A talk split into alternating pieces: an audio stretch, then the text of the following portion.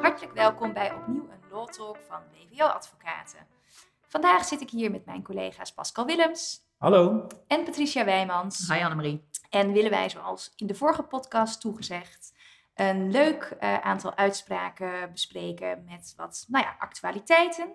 We hebben er in ieder geval drie geselecteerd. We willen kort ehm, de, eigenlijk de uitkomst bespreken van de ziekmelding tussen een afwijzing van het UWV en een ontbindingsverzoek wat daarna wordt ingediend door een werkgever. Daar is in Law Talk nummer 8 al volop aandacht besteed door eh, Pascal en Patricia. De Law Talk heette toen, is de werknemer verplicht eh, tot een coronatest of is dat mogelijk? Mm, daar is de conclusie van de advocaat-generaal uitvoerig behandeld. Maar de Hoge Raad heeft nu een uitspraak gedaan. Dus daar willen we graag met jullie uh, eventjes naar kijken. Verder hebben we uh, nog twee andere leuke uitspraken. Eentje over een werknemer die uh, nogal met een vork zijn overuren schrijft. En wat een werkgever daar vervolgens mee doet en kan doen. En we hebben ook nog een uh, hele interessante uitspraak over een, een, een, lerares op een school. Die maar niet genoeg krijgt van het procederen, lijkt het wel. Uh, ze zit in een verbetertraject en de werkgever wil haar op een andere school te werk stellen in het kader van het verbeteren van haar functioneren. En daar uh, wordt jarenlang wordt daarover gediscussieerd en geprocedeerd bij verschillende rechters.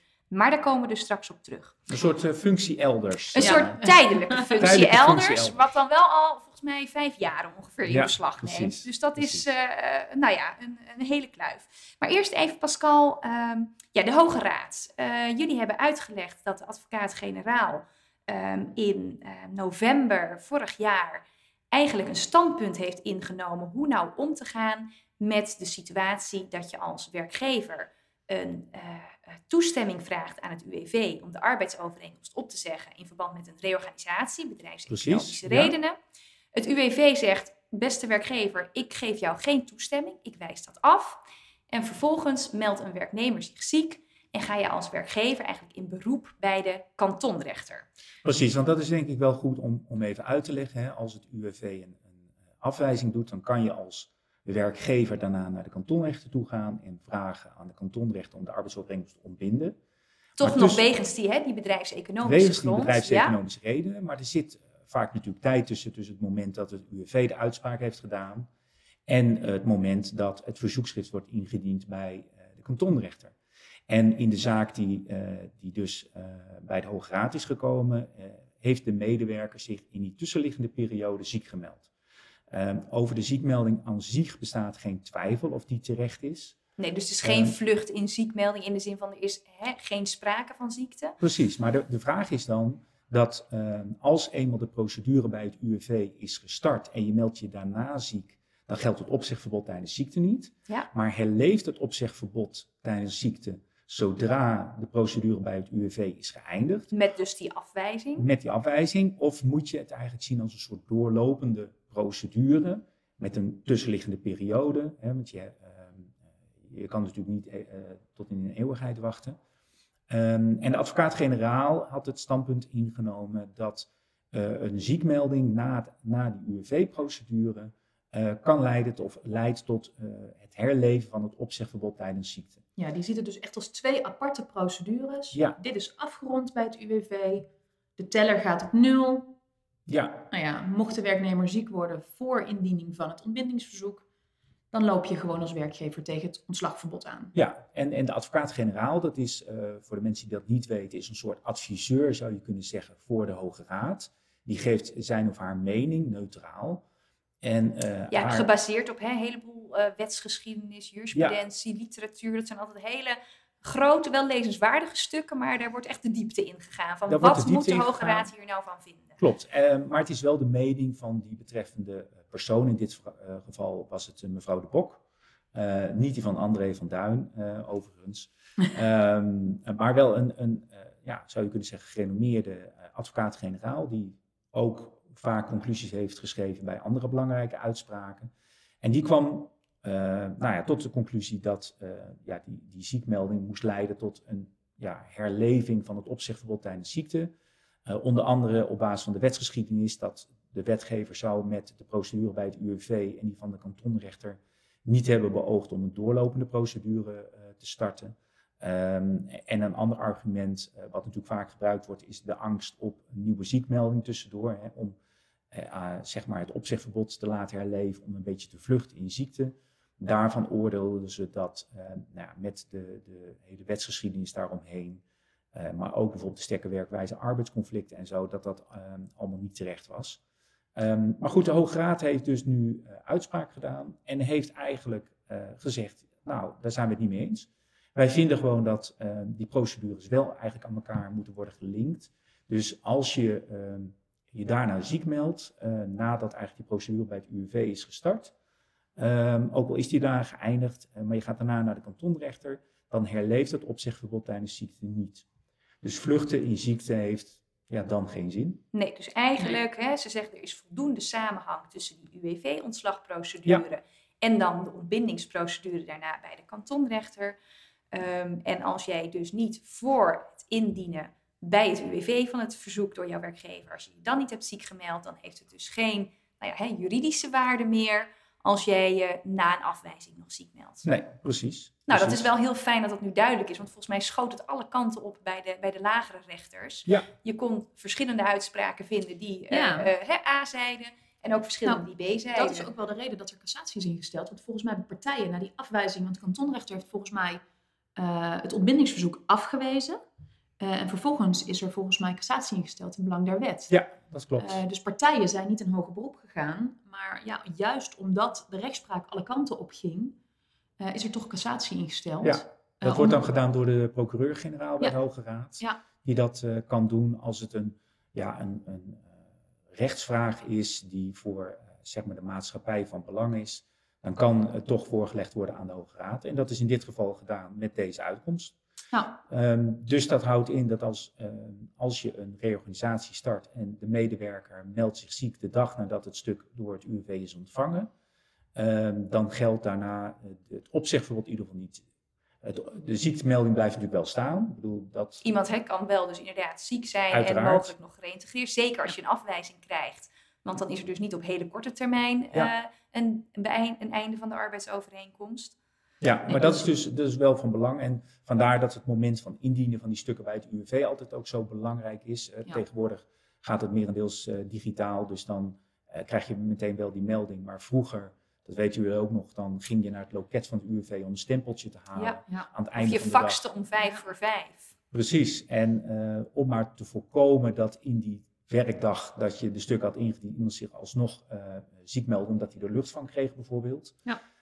Um, nou, dat, die tendens die, die verandert nu langzamerhand wel, ook met de proforma uh, aanmeldingen natuurlijk die je kan doen met de UWV. Um, maar dit, dit was nog een open eindje en die is nu dus uh, beslecht. Nou, dat is, dat is in ieder geval heel erg fijn, want dan uh, weten we daar in ieder geval ook heel duidelijk al Ja. hoe daarmee uh, moet worden omgegaan. Ja, en dan komen we bij de uitspraak over uh, de werknemer die nou ja, kennelijk vond dat hij heel veel overuren kon schrijven, terwijl ze niet werden gewerkt. Ja, ja ook interessant hè. uitspraak van 4 februari jongsleden van de rechtbank Rotterdam ging over een uh, assistent asset manager, geloof ik. Sinds uh, nou behoorlijke tijd al in dienst, geloof ik, hè? 1980 of zo. Oh joh, dat is Uh, heel lang, jeetje. Pascal. Ja, ja. Uh, maar in ieder geval iemand met veel ervaring. En uh, kennelijk was het binnen dat bedrijf uh, wel gebruikelijk dat er overgewerkt werd.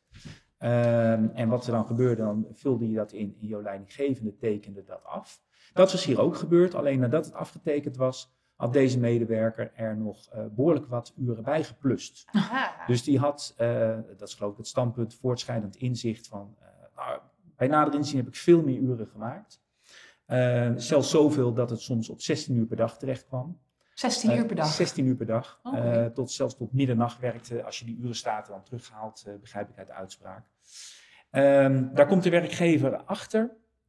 Op 14 februari 2020 stelt hem een non-actief, doet dan onderzoek um, en op uh, 20 uh, februari, dus zes dagen later, wordt dat onderzoek afgerond en wordt gezegd, ja, jij hebt gewoon uren bijgeplust, um, wat je niet besproken hebt met de leidinggevende, dus de, de, handtekening van de leidinggevende sloeg niet op de uren die je hebt ingediend. En over een periode, ik geloof van twee jaar dat dat uh, speelde, eh, had hij voor, eh, ja, ik geloof zelfs 83.000 euro aan overuren te veel geclaimd.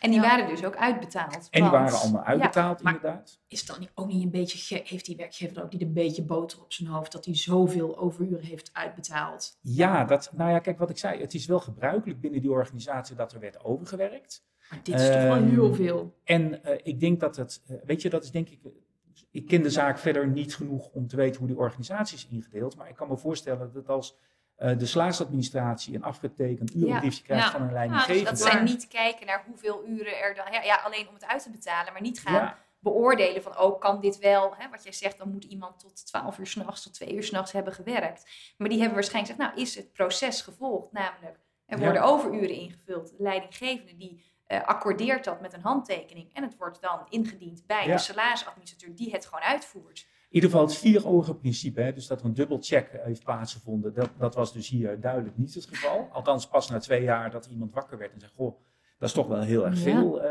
eh, extra uurtjes. Ehm, maar uiteindelijk komt dat dus eh, bij de rechter terecht, omdat die werkgever zegt, ja, ik wil die, eh, die 83.000 euro wil ik eh, terug.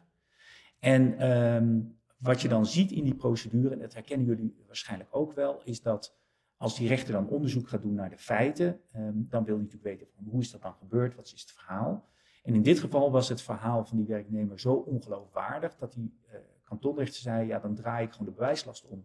Ja. Bewijs jij maar dat jij die uren hebt gemaakt. Ja, En dat kon hij niet. Hè? Ook omdat het onaannemelijk was dat hij eh, eh, bijna elke dag tot middernacht werkte.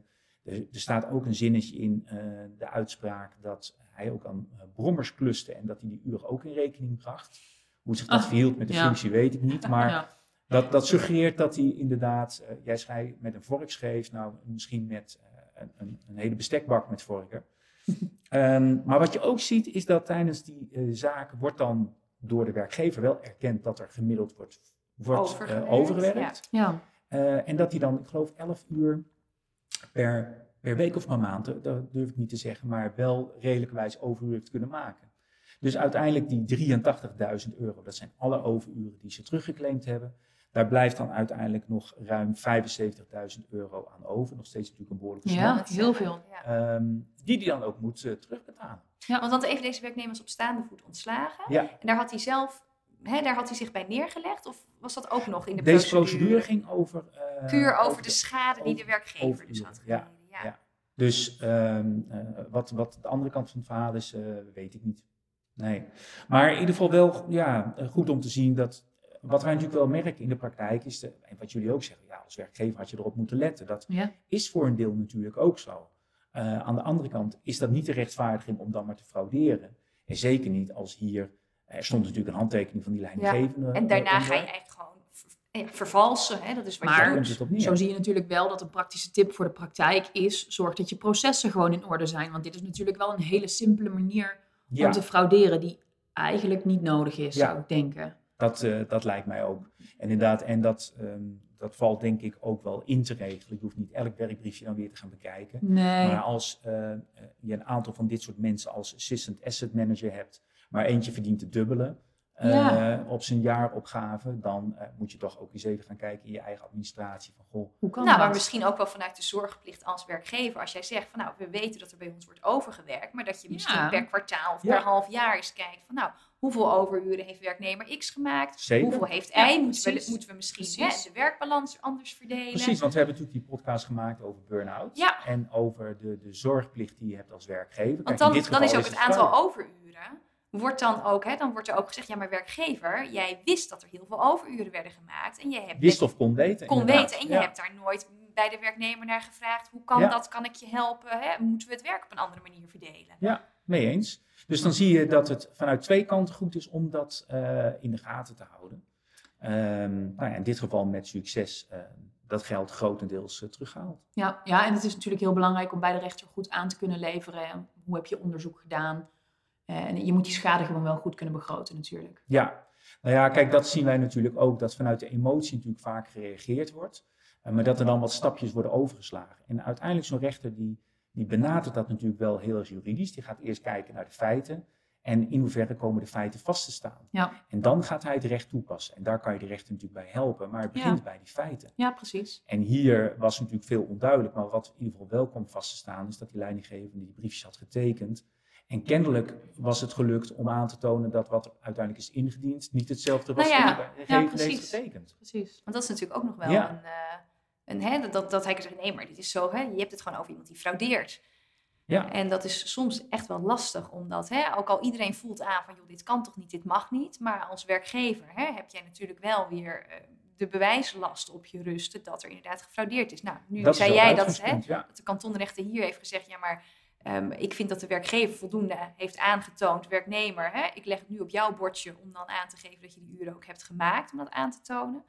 Maar goed, ik denk dat dit wel een, een uitspraak is waar we, ehm, hè, waar, waar je rechtsgevoel van zegt van, nou, het, hè, het kan toch niet zo zijn dat, Ja. en dat de rechter daar op een hele, nou ja, nette manier eh, mee om is gegaan. ja, zeker weten. Oké. Nou, dan ehm, eh, hebben we nog de uitspraak van de, van de lerares, die ehm, nou ja, niet zo eh, goed functioneerde volgens, eh, volgens haar werkgever. En waar dus een verbetertraject ehm, nou ja, is voorgesteld. Alleen dat zou dan op een andere school moeten zijn. Precies, precies. Dit is een, recht, een uitspraak van de, van de rechtbank Rotterdam van 3 januari 2022. Eh, het gaat inderdaad over een, een basisschooldocent, een groepsleerkracht op een basisschool. Ehm, Speciaal onderwijs, hè, geloof ik. Ja, volgens mij openbaar, maar wel speciaal onderwijs. Zij, eh, er wordt in het voorjaar van 2017, wordt er al, Oftewel, wordt er 50 al jaar geconstateerd, geleden. precies, precies, is lang geleden al, eh, wordt er geconstateerd, en, en waar het precies op zit, dat, dat zegt de, de, de uitspraak die ik gelezen heb niet, maar eh, er wordt in ieder geval vastgesteld, joh, je functioneert niet helemaal naar behoren, we willen jou daar graag in begeleiden, maar dat kunnen we niet op de school waar jij nu zit, dat noemen we maar even school 1, maar dat gaan we doen op school 1, een zogenaamde opleidings... eh, school 2, een zogenaamde opleidingsschool. Kennelijk eh, nou ja, was het gewoon beter om haar... Vond werkgever het beter om haar daar eh, te begeleiden. Werknemster meldt zich in eerste instantie ziek.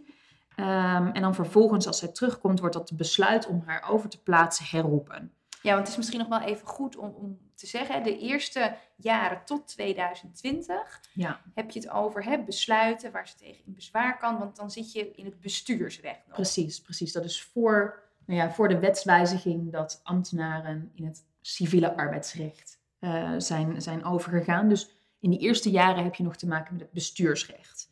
Ehm, dat besluit is in tweede- eind 2017 dus herroepen, maar in ehm, september 2018 komt eigenlijk de werkgever weer tot hetzelfde oordeel, namelijk. Ja, er schort toch echt iets aan het functioneren van deze werknemer.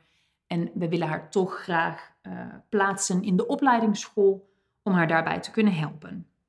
Daar is het niet mee eens, dus ze maakt, eh, ze maakt bezwaar eh, tegen deze beslissing. En dat bezwaar wordt eh, afgewezen, zeker ongegrond verklaard. Dan gaat ze in beroep bij de bestuursrechter, maar ook de bestuursrechter zegt nee, ongegrond. De bestuursrechter neemt aan dat de werkgever voldoende aannemelijk heeft kunnen maken dat er iets schort aan haar functioneren en dat werkgever terecht heeft gezegd, jij kunt beter begeleid worden op school 2.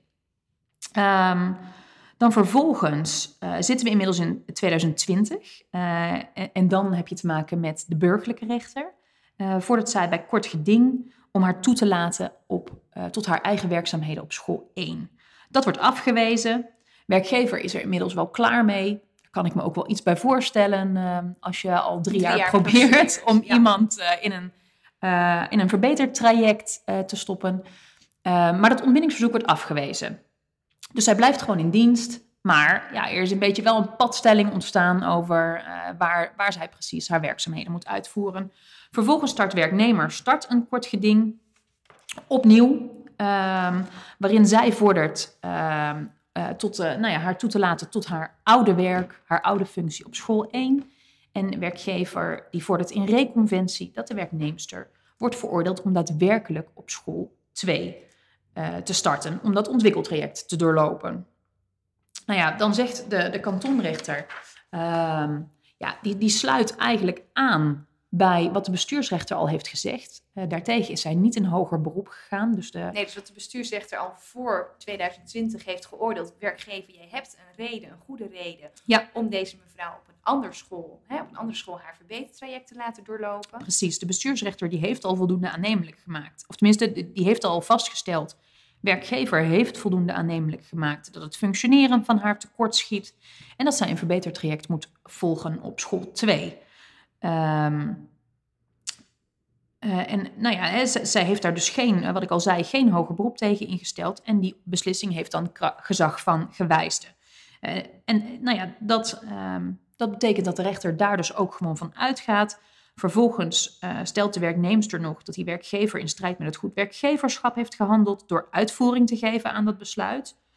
Um, nou ja, dat, dat, nou ja en dan, dan gaan ze discussiëren over wat er precies in dat vonnis staat. Maar daar maakt de, de kantonrechter korte metten mee. Je bestuursrechter heeft dit um, geoordeeld en de werkgever mocht daar um, ja, gehoor, gevolg aan geven.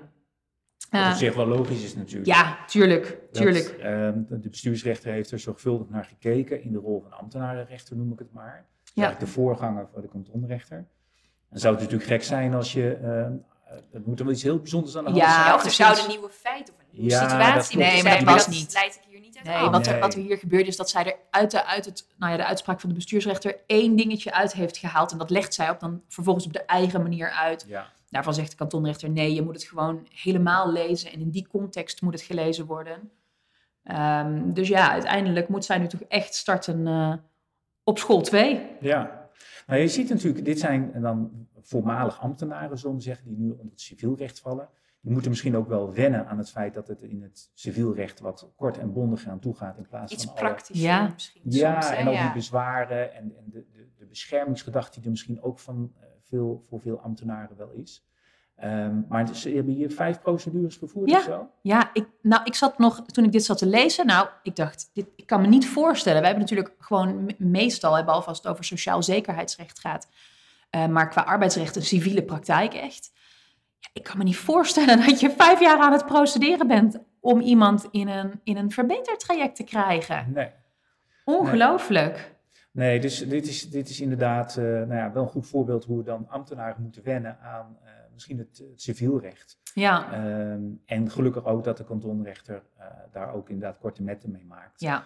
Ik denk dat dat alleen maar goed is. Ja, precies. En dat de kantonrechter ook gewoon, weet je, die overgang van, van ambtenaarrecht naar civielrecht, dat, dat de kantonrechter ook gewoon nou ja, het uitgangspunt, zoals door de bestuursrechter vastgesteld, dat dat gewoon wordt aangenomen. Dat is Ja. natuurlijk ook gewoon goed. Dat sluit gewoon goed op elkaar aan. Zeker in dit geval qua uh, ja, wat je redelijkerwijs van de werkgever uh, mag uh, verwachten. Ja. Ja.